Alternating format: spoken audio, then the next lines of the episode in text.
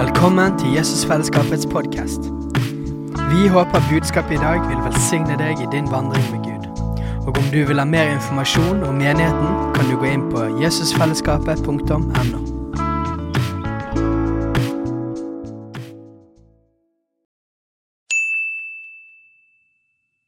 Hei! Visste du at Jesusfellesskapet starter en ny bibelskole til høsten? Den heter Jesusskolen og starter den 3. september. Gå inn på jesusskolen.no for mer informasjon. I dag, er sånn, I dag er faktisk en litt spennende dag fordi at uh, det å stå her er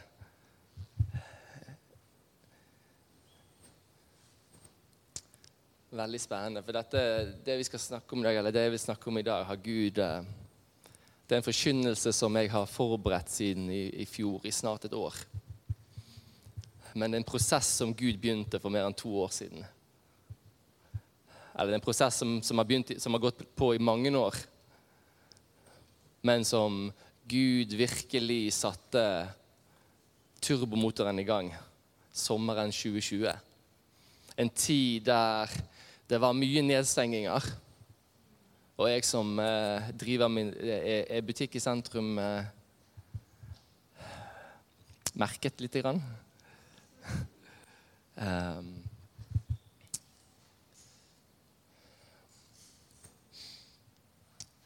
Det var en tid jeg brukte mye tid i bønnehuset.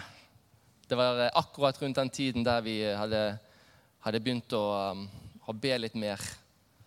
Uh, Seinere på 2020 så, så, begynte jo vi å slutten av 2020 begynte vi å komme hit litt. Og i begynnelsen av 2021 så var vi her ganske mye og ba. Kvelder og ukedager og forskjellige helger.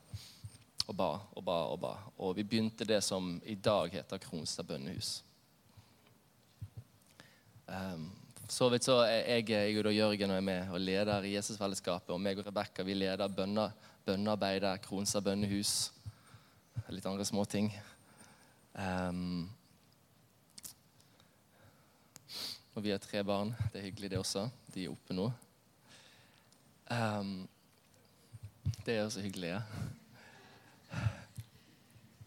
Men eh, det Gud, Gud, har vært veldig tydelig med meg. Det, eh, og jeg eh, Gud liker å være tydelig. Så skal vi komme i gang. Aha. Men jeg, jeg, er ikke bare her for å forkynne et, et bibelord eller en, undervisning eller en lære. Jeg, jeg, er her for å dele mye mer i dag. Jeg er her for å, fordi Gud vil at jeg skal dele et vitnesbyrd. Gud vil at jeg skal dele et vitnesbyrd. Og det jeg har å dele i dag, er like mye det som det også, Og det er også et profetisk budskap inn i vår tid. Jeg tror det er et profetisk budskap som ikke bare har vært for mitt liv de siste årene, men som også er for menigheten i den tiden vi er i, og tiden framover. Jeg har sagt noen setninger her og der under bønn og lovsang og når jeg har delt ting, at vi er en tid av forberedelse, vi er en tid av renselse. Vi er en tid der, der tror, jeg tror folk skal komme inn i sitt kall i enda større grad. For jeg tror Gud kommer til å gjøre veldig mye framover i og gjennom oss. Denne menigheten. Bare det at vi er her, og det som har begynt å skje her, er et tegn på det.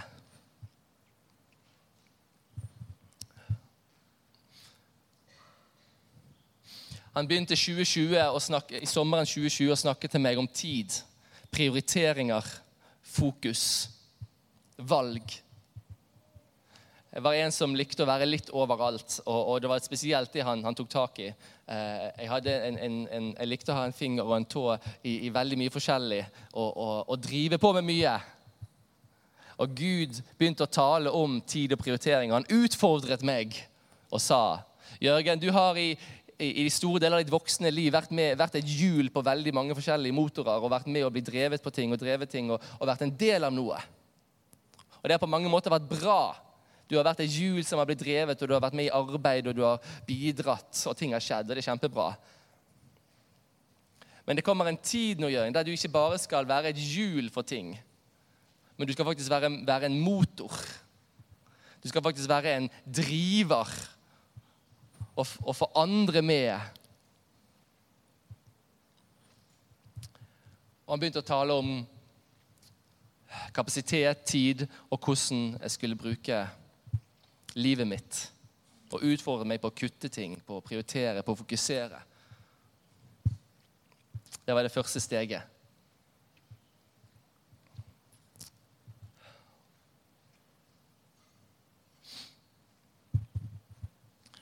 Um, og videre så begynte han å snakke, og jeg begynte å ta valg, jeg begynte å planlegge, jeg begynte å ting, ting jeg ikke skulle være med på, ting jeg ikke skulle gjøre. Og det begynte en prosess der.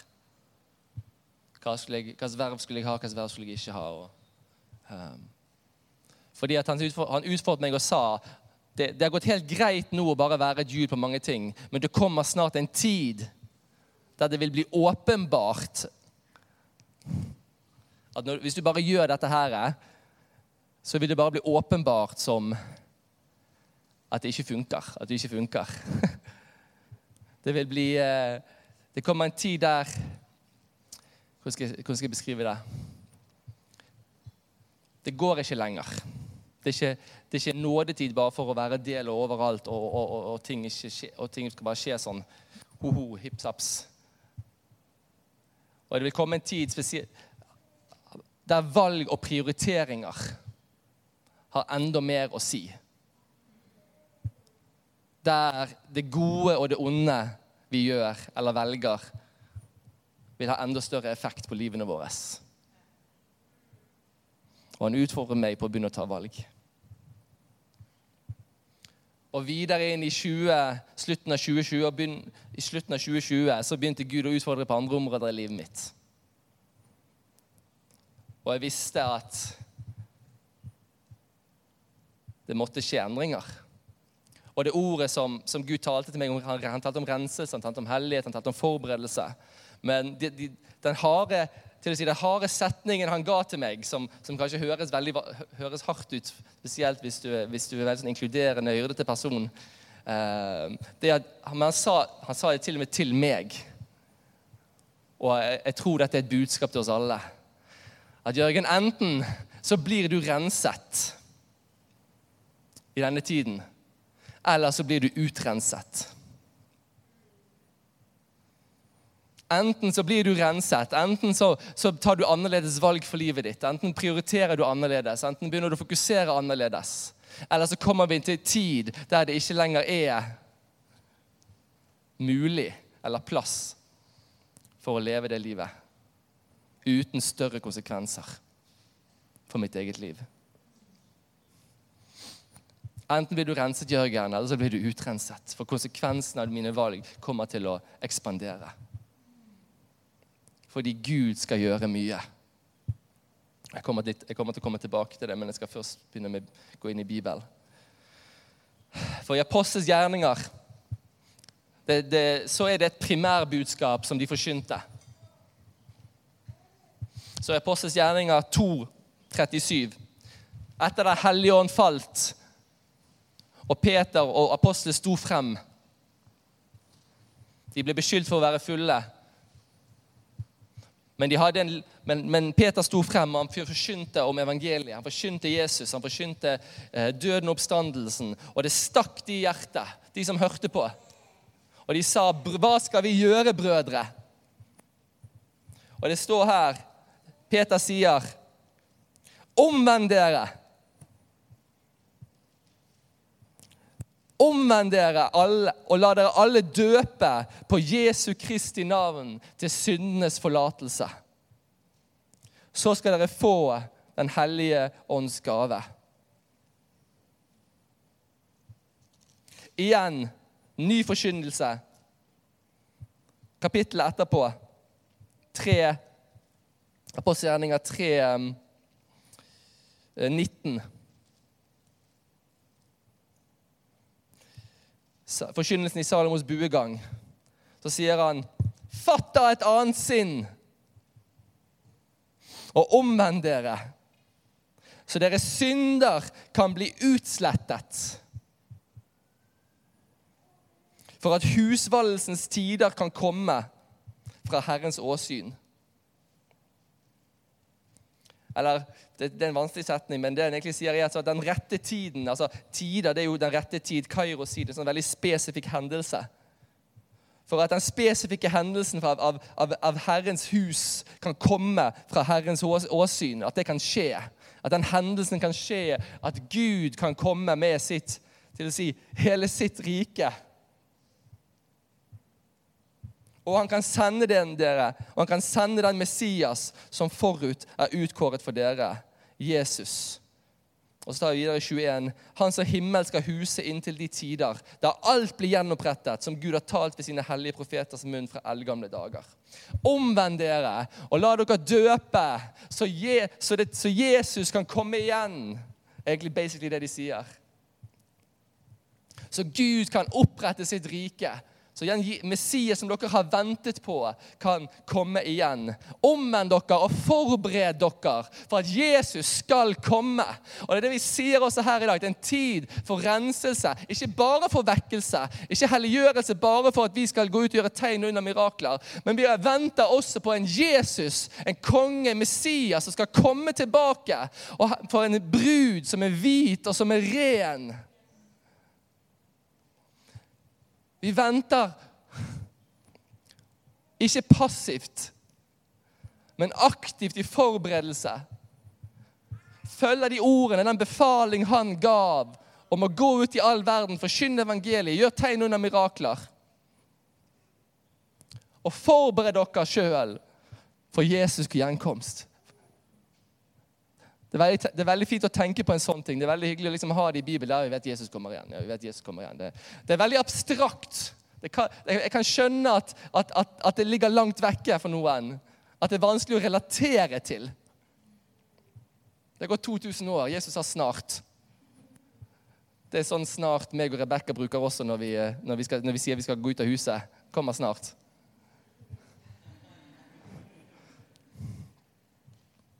Snart ferdig.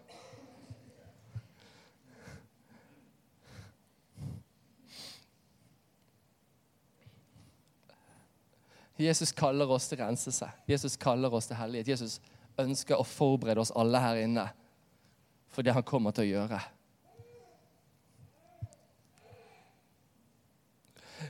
Hvordan ser dette ut? Paulus beskriver det fantastisk i Efesene 4,22. Fra Efesene 4,22. Han beskriver den aktive livsstilen på en fantastisk måte. Han sier når det gjelder deres tidligere ferd, må dere avlegge det gamle mennesket som fordervet ved de forførendes lyst, lyster, og bli fornyet i deres ånd og sinn, og ikle dere det nye mennesket som er skapt etter Gud, i rettferdighet og hellighet, som er av sannheten. Og så kommer denne herre. Kommer denne herre. Legg derfor av løgn og tal sant. For vi er jo hverandres lemmer. Vær med sin neste, for vi er hverandres lemmer. Bli vrede med synd ikke. La ikke sol gå ned over deres vrede. Og gi ikke djevel rom. Gi ikke djevel plass. Gi ikke djevel noe areal i livet ditt.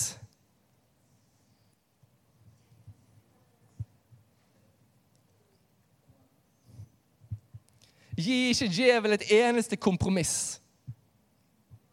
Den som stjal, må ikke stjele lenger. Men han må begynne å gi ting, han må arbeide, og så skal han begynne å gi ting til de som trenger det. La ikke rotten snakke ut av deres munn, med en god tale som er nødvendig til oppbyggelse.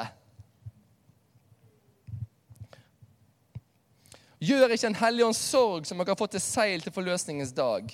La all bitterhet og hissighet og sinne, skrål og spott være langt borte fra dere. Langt borte fra dere. Ikke naboen deres, men langt borte fra dere.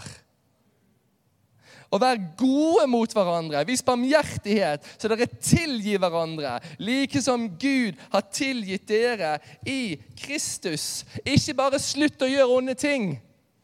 Og lev av fire menneskeliv hvor du gir 100 kroner i måneden til Røde Kors, og så er alt kjempebra. Men begynn å bygge. Vær proaktiv. At Vi skal ikke lenger bare slutte å gjøre det som er negativt, men vi skal begynne å bygge og restaurere. Skape, være som vår Gud, være som vår far. Han som ikke er passiv, men som aktivt søker oss, som aktivt gir liv, som aktivt helbreder, som aktivt bygger.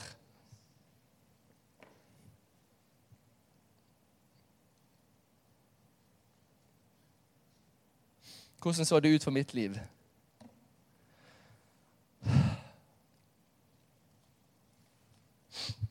For Gud har satt meg fri fra synd. Gud har satt meg fri fra det som jeg i mange år tenkte at jeg ikke ønsket å bli fri fra. Eller følte at jeg ikke ønsket å bli fri fra fordi at det hang sånn fast ved meg.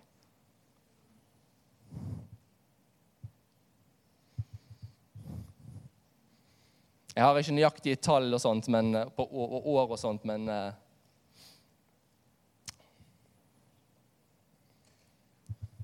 Jeg kan, jeg kan, i hvert fall si at jeg kan si, la oss si halve livet mitt, mer enn 15 år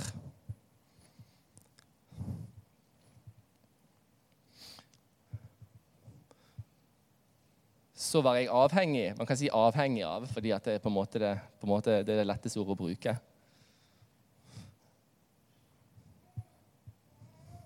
Men jeg var avhengig av porno. Selvtilfredsstillelse, la oss bruke ordet onani, begjær.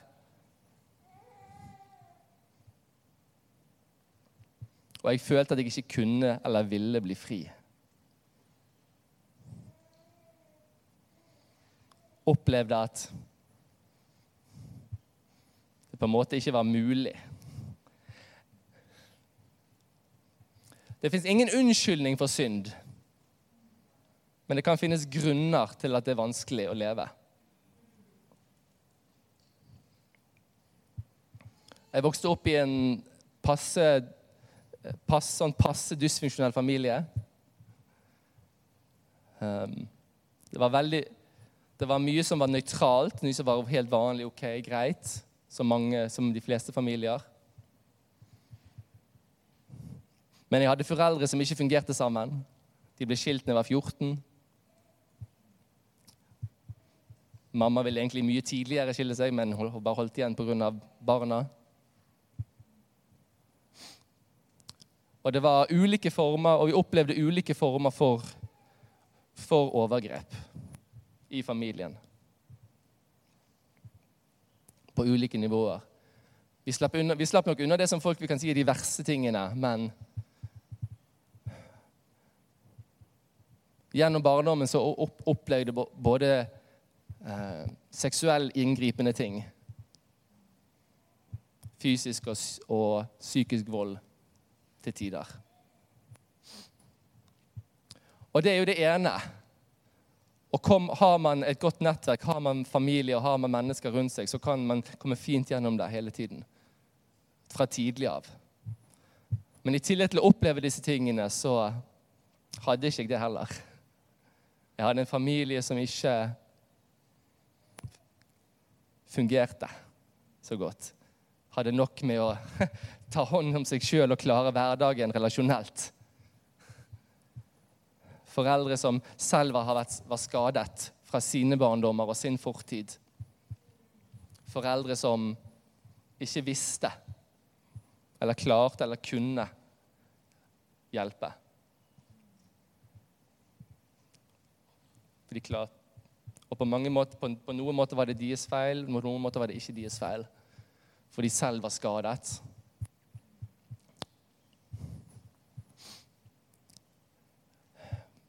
Sagt, jeg ble, ble skilt som 14 år um, når jeg var 14 år. Og uh, når um, Året etterpå fikk jeg meg en kjæreste. Det er det dummeste du kan gjøre.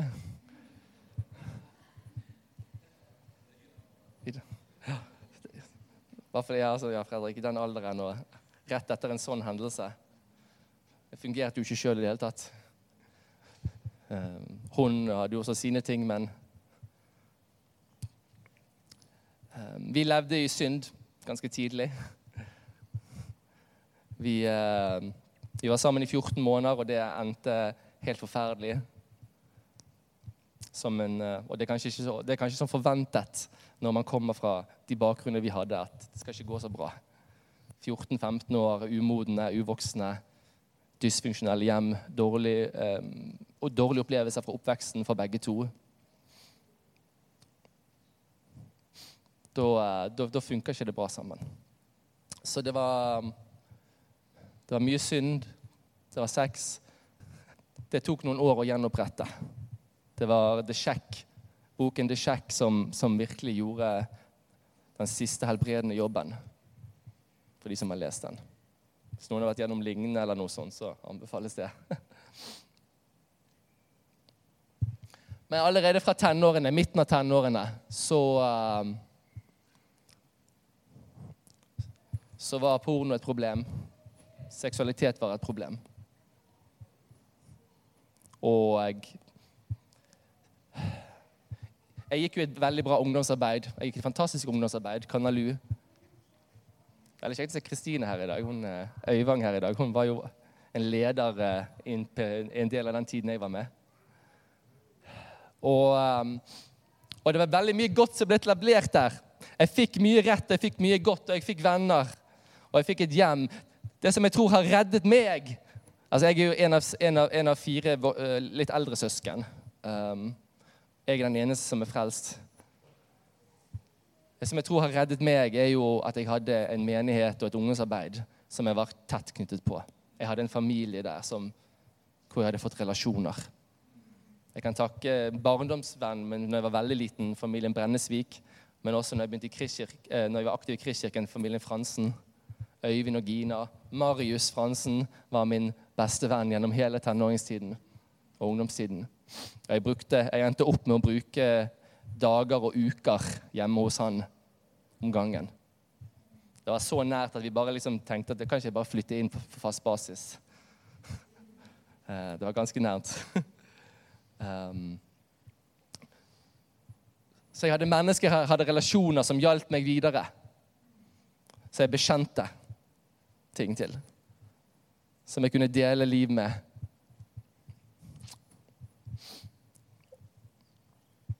Men det fulgte meg allikevel. Dette fulgte meg gjennom hele tenåringstiden, gjennom hele 20-årene. Og jeg traff Rebekka. Det skapte jo selvsagt sine gnisninger, for jeg hadde jo ting som ikke var dealet med i mitt liv.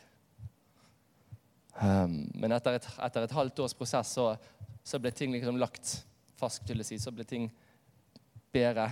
Um, vi fant ut at vi ville gå for hverandre, og uh, vi ble forlovet. Uh, ble sammen mai 20, 2012. Eh, jeg fridde det 12. i 12.12. Og um, vi giftet oss året etterpå, august. Um, og da blir jo alt så mye bedre sant, sånn seksuelt. Sant? For da, da, er man gift, da kan man ha sex, da er alt kjempebra. Not. Det eneste det gjorde, var å gjøre rotet større. Fordi at nå inkluderte jeg Rebekka i mitt rot, som jeg ikke hadde kommet ut av og ikke hadde klart å deale med. Og, ut, og, og, Hun visste ikke engang om det de første årene. Men fordi at hun er, hun er, profetisk, fordi at hun er en føler, fordi at hun kan kjenne ting, så kjente hun allikevel at det var noe som var galt. Hun kjente på prestasjon, hun kjente på, um, på, på, på at det, til å si, mangel på ekthet eller helhet. som skjedde på frykt.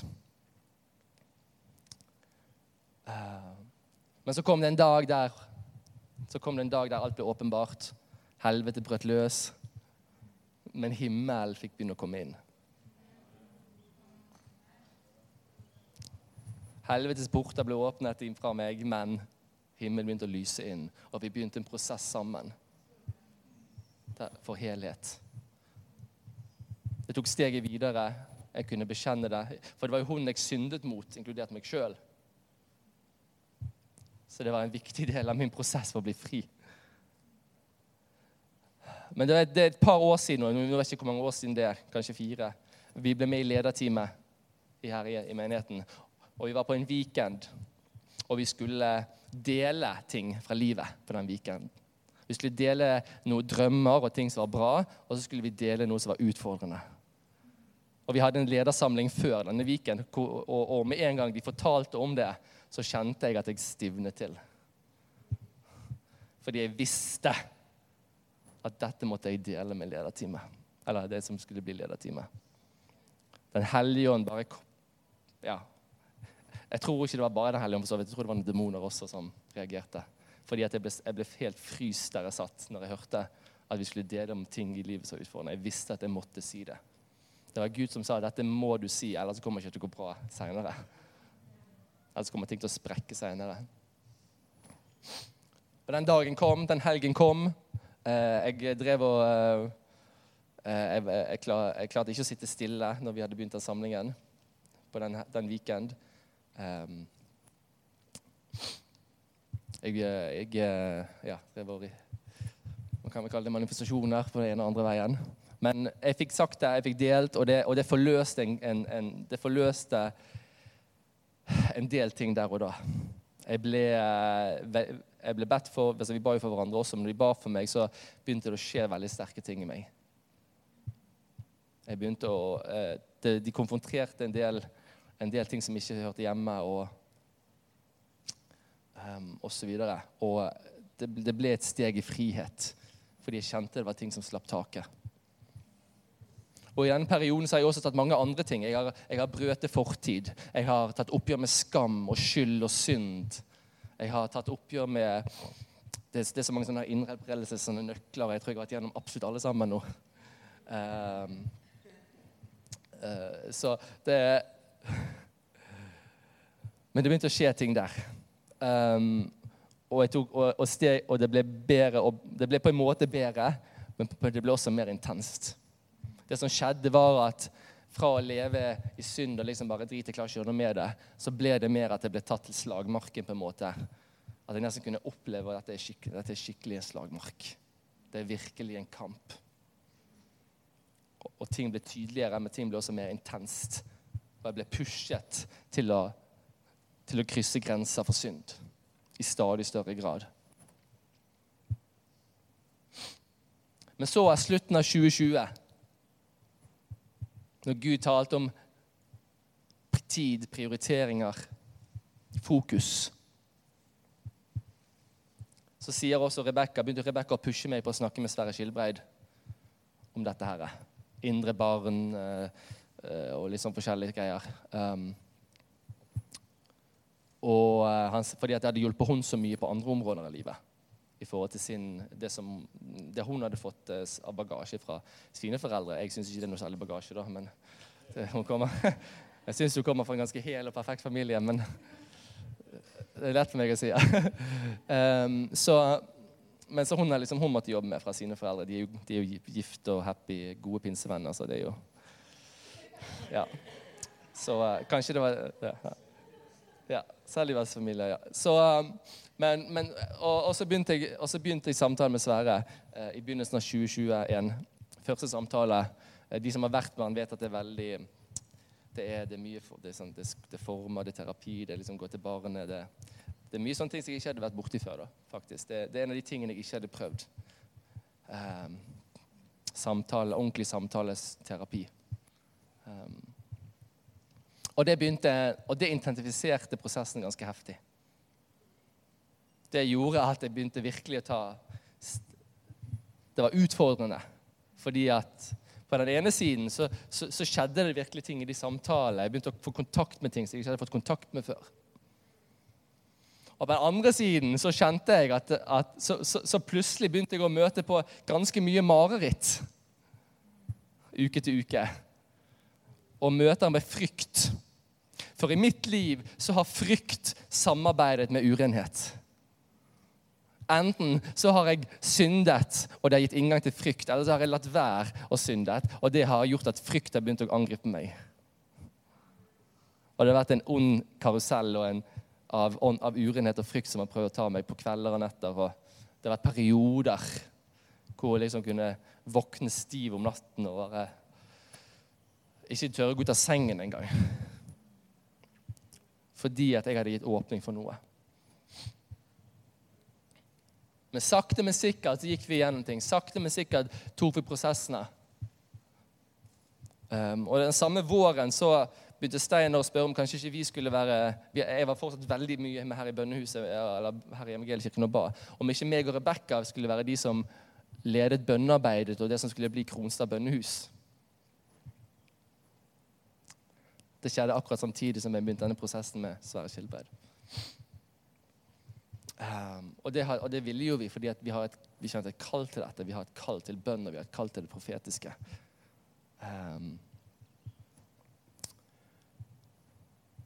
og så, ja Ikke vet ikke går så mye detaljer, men, men våren gikk og sommeren kom. Uh, og jeg hadde masse prosesser. Jeg tok steg fremover. Jeg, ting ble brutt. Tidligere hadde vært sånn at det kunne ikke gå en måned uten synd. Noen ganger kunne ikke det gå en uke.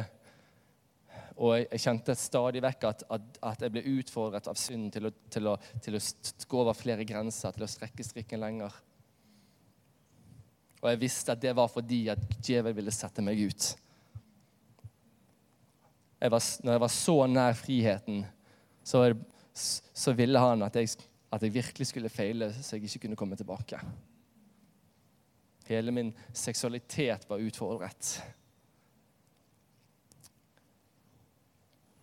Men det skjedde heftige ting i de samtaler. Det skjedde heftige ting i samtalen med Rebekka og, um, tiden med Gud. Så det som gikk fra å være Jeg gikk fra å ikke ville fra nesten ikke ville bli fri. Om noen kan, kan relatere til det. det, hvis, liksom, det er ikke alle som sliter med seksuell synd. Noen sier kanskje med baktale liksom, eller, eller, eller, tanker eller selvfordømmelse. Jeg, jeg gikk fra nesten ikke ville bli fri, eller ville ville bli fri, fordi at jeg sto sånn fast i det.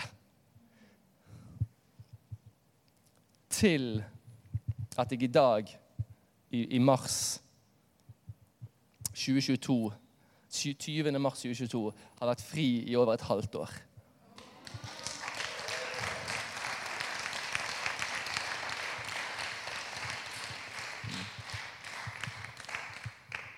Og jeg har ikke lenger lyst. Jeg har ikke lenger lyst til å ha lyst. Flyten som liksom Flyten er varige vekke.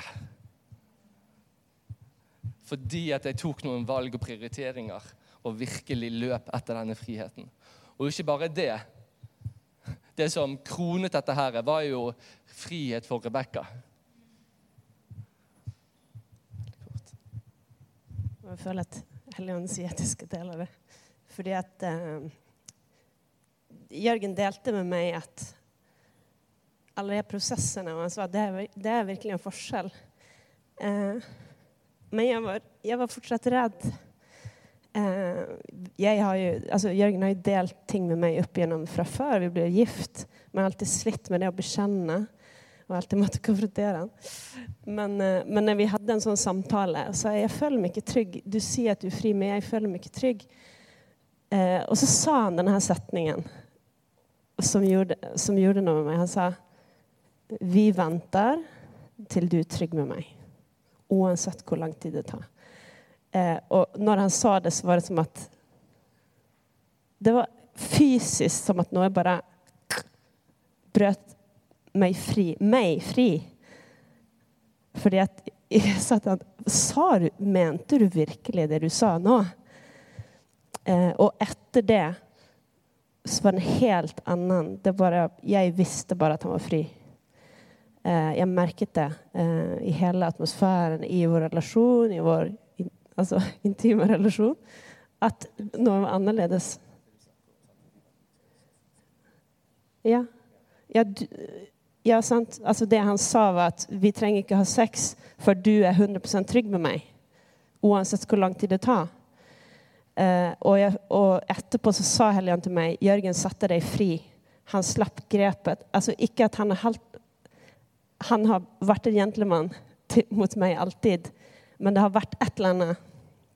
Sant? Og det var vekke når du sa det. For du la ned det. Du la ned ditt begjær. Du la ned til og med din egen eh, naturlige den, den lysten eller den lengselen som Gud har lagt ned i deg. Og så sa du det gir jeg vekk, og jeg trenger det ikke, for du må være trygg med meg. Og da visste jeg at han var fri. Og etter det så har jeg ikke tvilt på at han er fri. Og det har forandra hele atmosfæren òg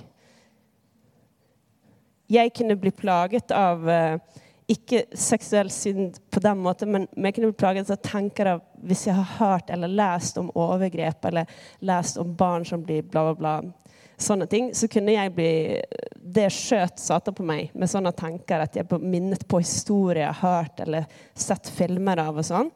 Det sluttet, for eksempel. Så det er bare liksom det gjorde noe med, med oss, og det gjorde noe med hele vårt hjem. Så vi bare liksom Ja.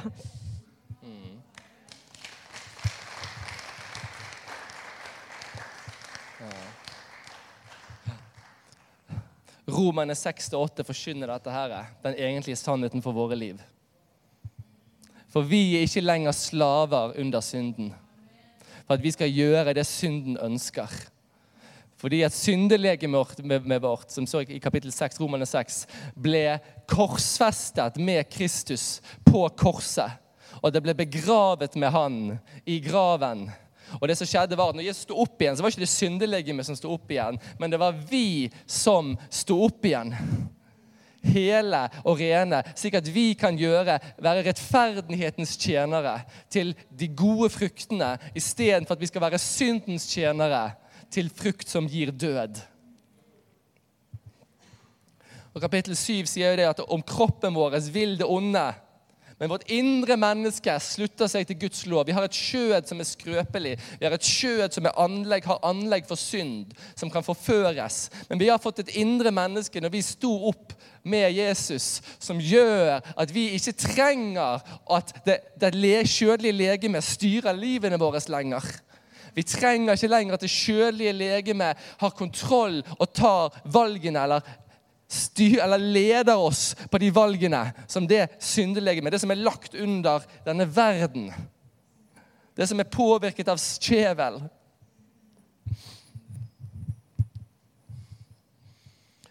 Og som, og som det går videre, altså vi i, i 7 og kapittel 8 Det er ingen fordømmelse for den som er i Kristus Jesus.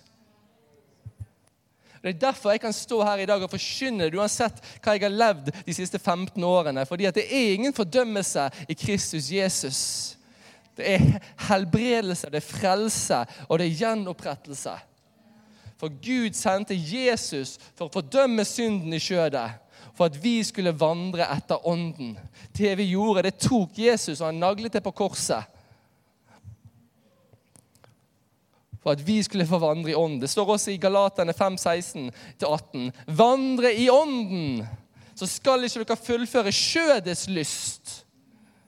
For skjødet begjærer mot ånden, og ånden imot skjødet. De to står hverandre imot for at dere ikke skal gjøre det dere vil. Men hvis dere blir drevet av ånden, da er dere ikke under loven.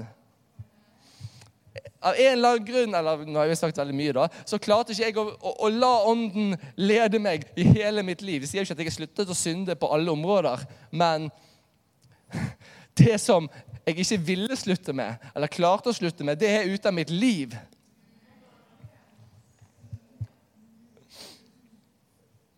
Det står videre i Hebreerne 12.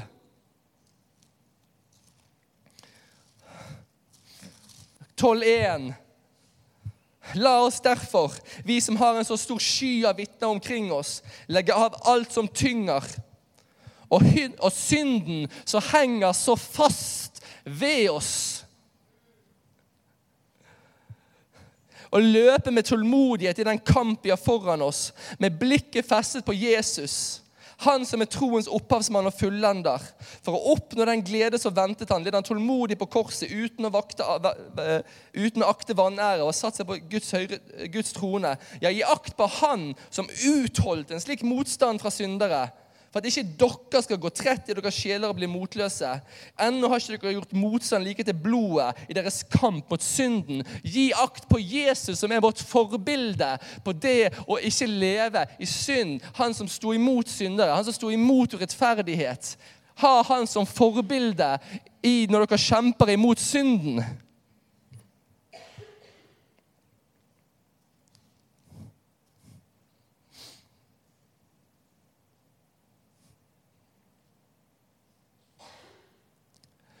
Så la oss legge av oss Det, er en sånn her vanskelig dualist, liksom greie her som mange teologer diskuterer. liksom, er, Vi er helt fri, vi er ikke helt fri, og vi har et syndelegeme, vi er ikke syndelegeme, vi har en syndig natur, nei, vi er ikke en syndig natur. Ja, Vi har et sjø som er skrøpelig, men korsfestet med, med, Jesus på korset. Jeg vet ikke om dere har hørt denne debatten frem og tilbake. Om liksom, Er vi syndfrie, er vi ikke syndfrie? Vi er hellige, men vi synder jo. Altså, Allikevel ditt og allikevel datt. sant? Det er det er en sånn teologisk greie. Men det som er helt sikkert, er at vi kan synde. Vi kan velge å leve i synd. Vi kan velge å si og gjøre synd. Vi kan velge å kompromisse i livene våre 100% bevisst. Se bare på Judas. Det var ikke sånn plutselig hendelse som førte til at djevel for inn i han. Det kom ikke ut av ingenting. Det står i Johannes 12, 4-6. Da står det om, eh, om, denne kvinnen som kom inn i huset og, og vasket Jesu føtter. Hun hadde en, kos, en, en, en, en eh, krukke med kostbar salve. Kostet en årslønn. Og så sier Judas Hvorfor sløser vi med denne salven her? Hvorfor sløser vi en halv million kroner på å salve Jesus? Vi kunne jo gitt pengene til de fattige, men dette sa han ikke fordi at han hadde de fattige på hjertet. Han sa det fordi Johannes er ganske tydelig. han er rett frem. Det var han som hadde kassen. Det var han som var kasserer, og han stjal fra kassen. Og så så han at alle disse pengene som kunne kommet inn, ble brukt på Jesus. Og da står det i Matteus 26, 14-16 Når det skjedde, når det øyeblikket skjedde, så bestemte han seg for å angi Jesus for penger. For han skjønte her var ikke det penger å hente mer. Jeg får skaffe dem på en annen måte, for jeg trenger penger. Urettferdig, på en urettferdig måte. Jeg ønsker mer penger på en urettferdig måte. Derfor vil jeg bestemme meg for å angi Jesus. Hvor mye vil dere gi meg? Eh, han gikk han gikk til eh, fariseerne, og det står, det står, flere steder de ble da glade uh, når han kom til dem. Uh, og sa, De veide opp 30 sølvpenger til han for at han skulle få dem, for at han skulle gjøre det. Og så står det i Johannes 13, når det var nattverd Etter dette hadde skjedd, etter at han hadde gått til fariseerne og bedt om og penger da står det i Johannes 13, 26. Når de spør Jesus hvem er det som skal forråde deg, så sier han til Johannes ja, det er han jeg dypper brødet med. Og så gir han det til, til, til, Judas. Og så sier han gjør det du gjør, skal gjøre. Og da går Satan inn i han. Da går han over et, et steg fra, en, fra å kompromisse i livet og synde til å virkelig ta et steg for ødeleggelse, et steg for å falle fra. Han hadde, gått han hadde syndet, han hadde stjålet, men han var nær Jesus. Han vandret nær Jesus. Og så tok han det steget og sa jeg vil ha mer penger. Jeg vil ikke lenger vandre med Jesus. Jeg kan like godt forråde han. Og han tok steget for å falle fra. Fordi at han stjal først penger trollmann Simon i Apostelsgjerningene 8-9. Uh, eh, beklager hvis jeg ikke leser alle skriftstedene, men jeg får liksom, liksom veldig sånn ordrett. Men jeg har så mye jeg vil dele av disse tingene. Det, det, det, var blitt vekkelse i Samaria, og det var en trollmann som hadde blitt frelst. Han het Simon. Og når Peter kom ned og la hendene på disse nyfrelste menneskene for at de skulle få Den hellige ånd, så så han at, han, at Peter at det skjedde når Peter la hendene på dem. Han fulgte han hele tiden. Han fulgte Philip, så vidt, men han så at Peter la hendene på folk, og så fikk de Den hellige ånd. Han ble slått av undring. Han ble sånn, Oi. Så han, Da fant han frem masse penger, og så sa han Vær så snill, la meg få kjøpe denne evnen til at den jeg legger hendene på, får Den hellige ånd. Og så sier, utfordrer Peter til han i vers 22 Nei, unnskyld. I, um, utfordrer han Peter litt tidligere. Han sier måtte ditt sølv følge deg til fortapelsen. Han er fyren har tatt imot Jesus. Du kan ikke snakke til en nyfrelst sånn. Stakkars gutt, stakkars mann. Han må jo tas hånd om. og så vennlig. Nei. Nei, la ditt sølv og ditt gull føre deg til fortapelse for at du skulle kjøpe Guds gave for penger. Det er ikke bare seksuell synd. Det er penger. Det kan være, jeg kommer til noe annet også, for så vidt. Omvend deg fra denne ondskapen, sier Peter. Omvend deg fra denne ondskapen. For jeg ser og ber til Herren at kanskje ditt hjertes tanke måtte bli deg tilgitt. For jeg ser, og her er nøkkelen, at du ligger i, i, i bitterhetens lenker og i urettferdighetens galle. Ja, urettferdighetens lenker og bitterhets galle. Jeg ser du har ganske mye issues i livet. Jeg ser du har mye sår i livet. Jeg ser at du har urettferdighet. Antakeligvis har han opplevd urettferdighet. Og han har utøvd urettferdighet, for han var en trollmann. Han til og med forbannet folk, sikkert. Vanlig på den tiden. Vanlig nå òg, men det er en annen sak. Eh, det skjer på en annen måte. Eh, ofte på sosiale medier. Eh, og, urettferdighet og bitterhet. Han bar på bitterhet. Han var bitter. Så han ville ikke ha den ekte veien, han ville ikke ha den ordentlige måten. Han ville ikke ha Jesus, han ville kjøpe til seg Gud for penger. Han ville bruke denne verdens måte fordi at han levde i liv og gjerninger som var av denne verden. Selv om han hadde tatt imot Jesus. Det gikk mye verre for noen andre.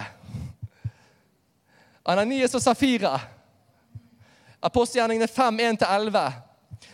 De, de solgte en åker.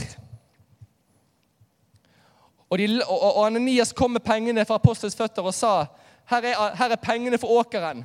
Og så spurte Peter liksom, Nei, jeg skal, jeg skal, men De stakk til side en del av pengene. Apostelgjerningene 5, 1-11. De stakk til side en del av pengene, og konen visste om det. Og Så kom Ananias og la resten foran apostels føtter. Og Da sa Peter, 'Ananias, hvorfor har Satan fylt ditt hjerte?' Så du kan lyve for Den hellige ånd og stikke til side noe av det du fikk for jordstykket ditt. De stjal jo egentlig ikke. Fordi at det var deres penger. Peter sier jo det. Det var jo deres åker. Du trengte ikke å selge den. Når du solgte åkeren din, så, så trengte ikke du ikke å si at du ga alt. Men de kom og ga. Her er alle pengene for åkeren. Så hvorfor har Satan fylt ditt hjerte at du skulle lyge for han? Det er, ikke, det er ikke noe menneske du har løyet for, men det er Gud. Tenk om det var sånn i dag. Du sitter der på bankkontoen din. Du har fått 40 000 i lønn, og så overfører du 2000 og sier 'Her er tiende', og så boom! Død på gulvet. Det hadde vært noe, det. Det, det, det. det, er nesten sånn det var. Eller du selger bilen din, for du trengte bare én bil. 200 000 fikk du for den. Så gir du 150. Her, her, gitt, her er en gave til menigheten, pastor. 150 000 for bilen jeg fikk. Eh, og så hadde du 5000, og så brr, dør du foran alteret. Det var det som skjedde. Stor frykt Eh, kom over dem, og det kom noen menn, og, de bar han ut. Så kom, så kom, Safira inn, og gikk gjennom samme greien. Han spurte var dette alt dere fikk for jordstykket. Og så sier Safira ja, det var alt. Og poff! Hvordan kunne dere bestemme dere for å lyge? Eller for å sette Herren sånn på prøve? Og Hun seg om føttene og døde. De unge mennene fant hun, og, fant hun død, og de bar han ut og gravde han ved siden av mannen. Hele menigheten og alle som hørte om det, ble grepet av frykt. Dette var en tid av vekkelse, det var en tid av gjennombrudd, det var en tid der Gud gjorde store ting. Og, og, Gud har vært så tydelig med de siste to årene at den tiden vi har foran oss, det er en tid der han skal gjøre store ting. Og han sier at du må forberede deg, Jørgen. Du kan ikke lenger vimse omkring og være delaktig i all slags mulige greier og, og, og late som, som, at du er med og bidrar og, og holder på å styre på. Du kan ikke ha synd og kompromiss i livet ditt lenger. Fordi at der vi kommer, der kan ikke du ta dette med deg. Du må bli renset. Din tid, ditt fokus, prioritering må bli renset. Din synd må bli renset, ellers så blir du utrenset. Altså, Jesus sa jo til han mannen som, som um, Jeg husker ikke om det var han som var blind eller han som var lam. Men han sa, 'Synd ikke mer, for det ikke noe verre skal hende deg'. Synd ikke mer, for det ikke noe verre skal hende deg. Synd er en inngang i livet til verre ting skal hende deg.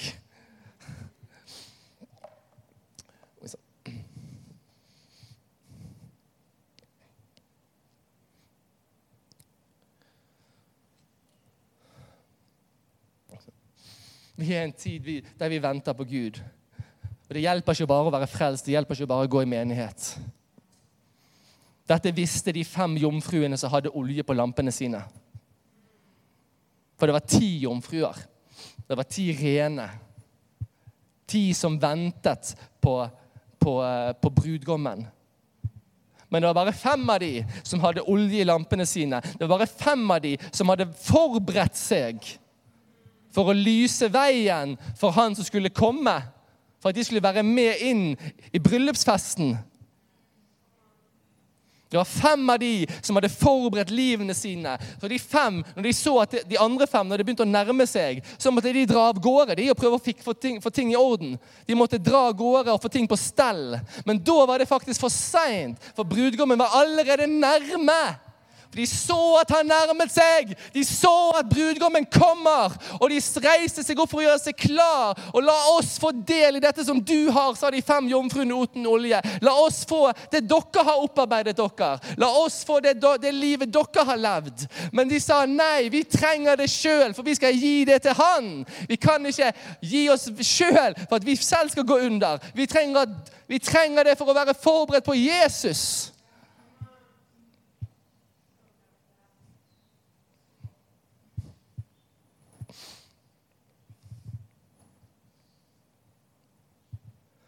Da er det for seint når det har begynt å skje. Og Jesus kommer snart. Tidens tegn lyger ikke. Gud skal gjøre store ting her. Det at vi er her, en oppfyllelse av 15 år med profetiske visjoner vi har hatt som menighet. Om bønnehus, vekkelsessenter, regionalt arbeid. Dette er de største oppfyllelsene, det å komme inn i et bygg som dette her, og gjøre det vi gjør her.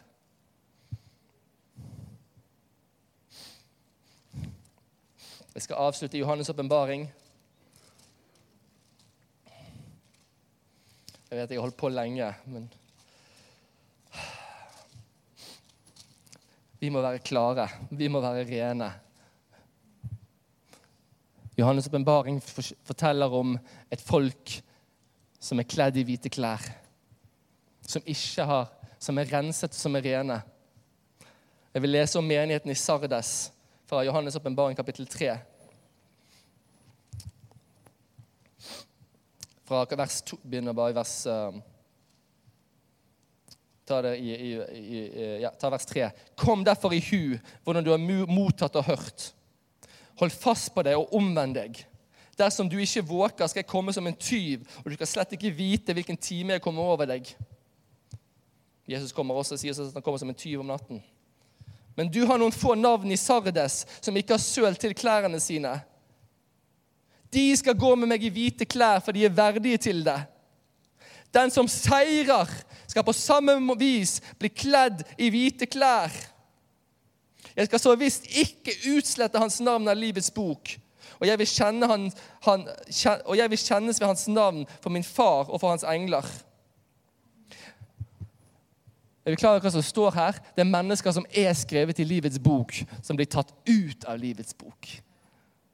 Det er mennesker som tilsynelatende allerede er frelst og i menigheten, men som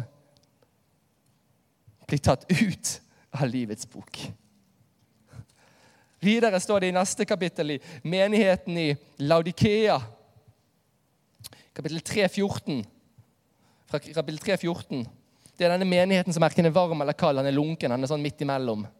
Han lever sånn gjennomsnittlig liv.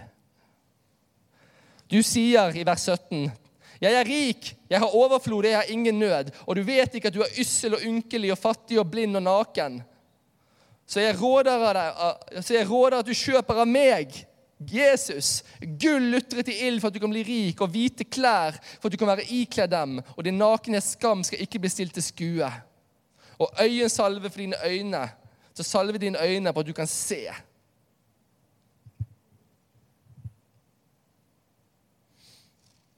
Det står også om de 24 eldste i 4-4. De, de, var kledd i hvite klær og med kroner av gull på sin hode. Johannes' åpenbaring kapittel 16, vers 15. Jeg kommer til å gå gjennom flere her. Se, jeg kommer som en tyv. Han kommer plutselig. Han salig den som våker og tar vare på sine klær, så han ikke skal gå naken, og de skal se hans skam. Salig de som tar vare på sine klær, sine hvite skjortler, sin renhet, sitt liv, for at de skal ikke bli til skamme. Salige de som ikke faller fra eller lever i kompromiss. Til og med Jesus står det om dette her. Det står at hans kappe i, i Johannes åpenbaring 1913 at han kommer på en hvit hest, og han er iført en kledning som er dyppet i blod, og hans navn er Guds ord. Lammets bryllup, hennes 1907. La oss glede oss og fryde oss og gi ham æren, for lammets bryllup er kommet. Og hans brud har gjort seg rede. Det er gitt henne å kle seg i rent og skinnende fint lin. For det fine linet er det helliges rettferdige gjerninger.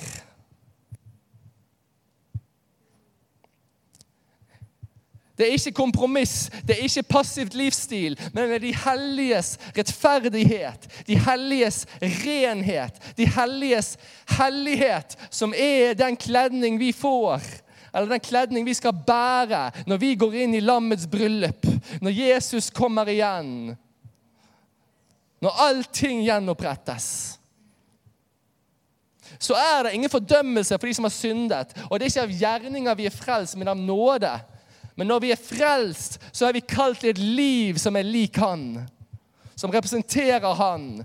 Han som, er, han som har sin kappe dyppet i blod. Han som er renhet og hellighet.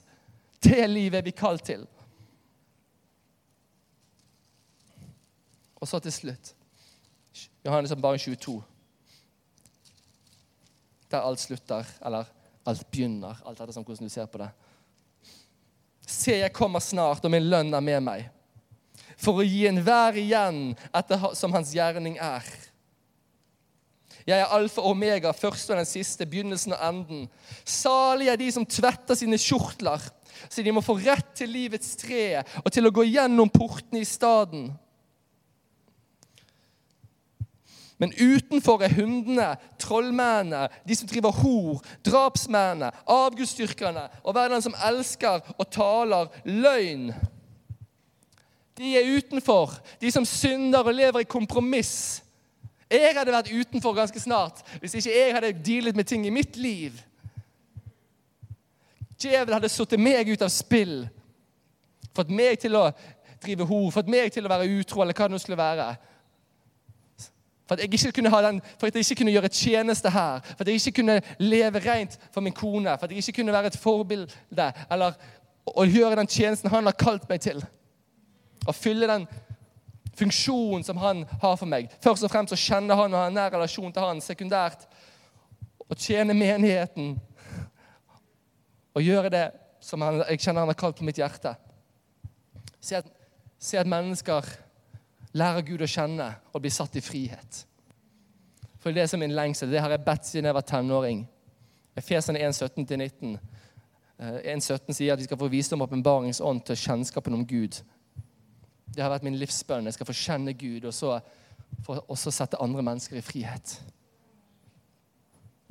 Så denne forkynnelsen her, det er et vitnesbyrd. Denne forkynnelsen her, det er et profetisk ord. Denne forkynnelsen her, det er også en invitasjon til å bli satt i frihet. Det er en invitasjon for dere til å bli satt i frihet.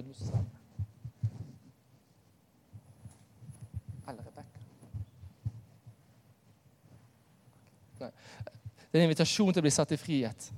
Det er en invitasjon til å deale med kompromisser du vet finnes i livet ditt. Det er en invitasjon fra meg som står her, et profetisk ord om at vi kommer en tid der Gud skal gjøre veldig mye i livene våre, i menighetene våre. Og vi står der at du kan enten komme inn i ditt kall, du kan enten ta valg som fører deg nærmere Jesus og nærmere det Gud har lagt på deg, eller du kan fortsette å kompromisse eller leve i synd eller passiv for en saks skyld. Å Ha synd på avstand, men også Gud på avstand. Litt på avstand. Å være lunken.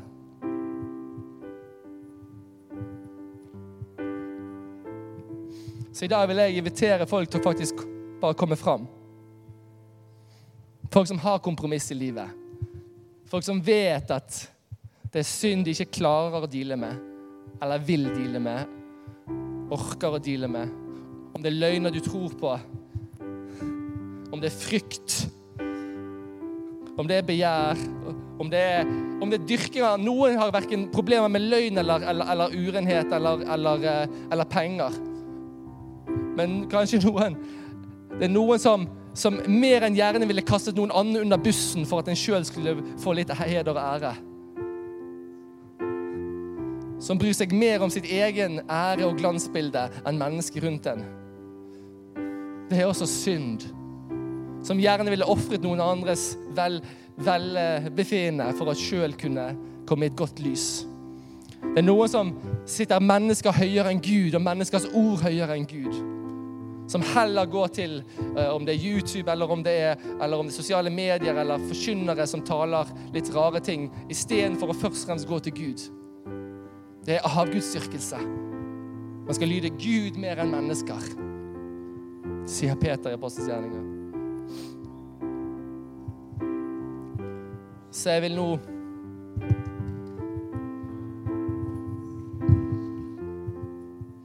inviter dere til å komme fram, bøye kneet eller stå. Komp dere som vil deale med kompromiss, dere som vil deale med løgn og synd.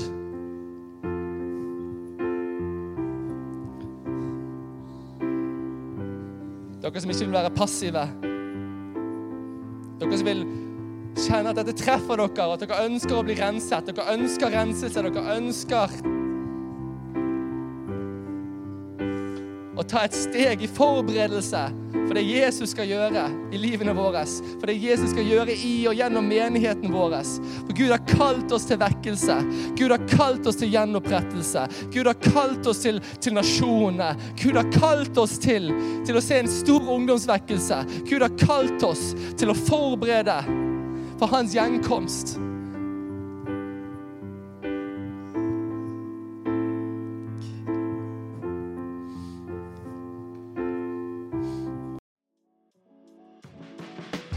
Hei, alle sammen. Det er Katrine og Steinar Lofnes her. Vi er hovedledere for Jesusfellesskapet. Så kjekt du har lyttet til denne podkasten. Har du forresten hørt noen av de andre podkastene våre?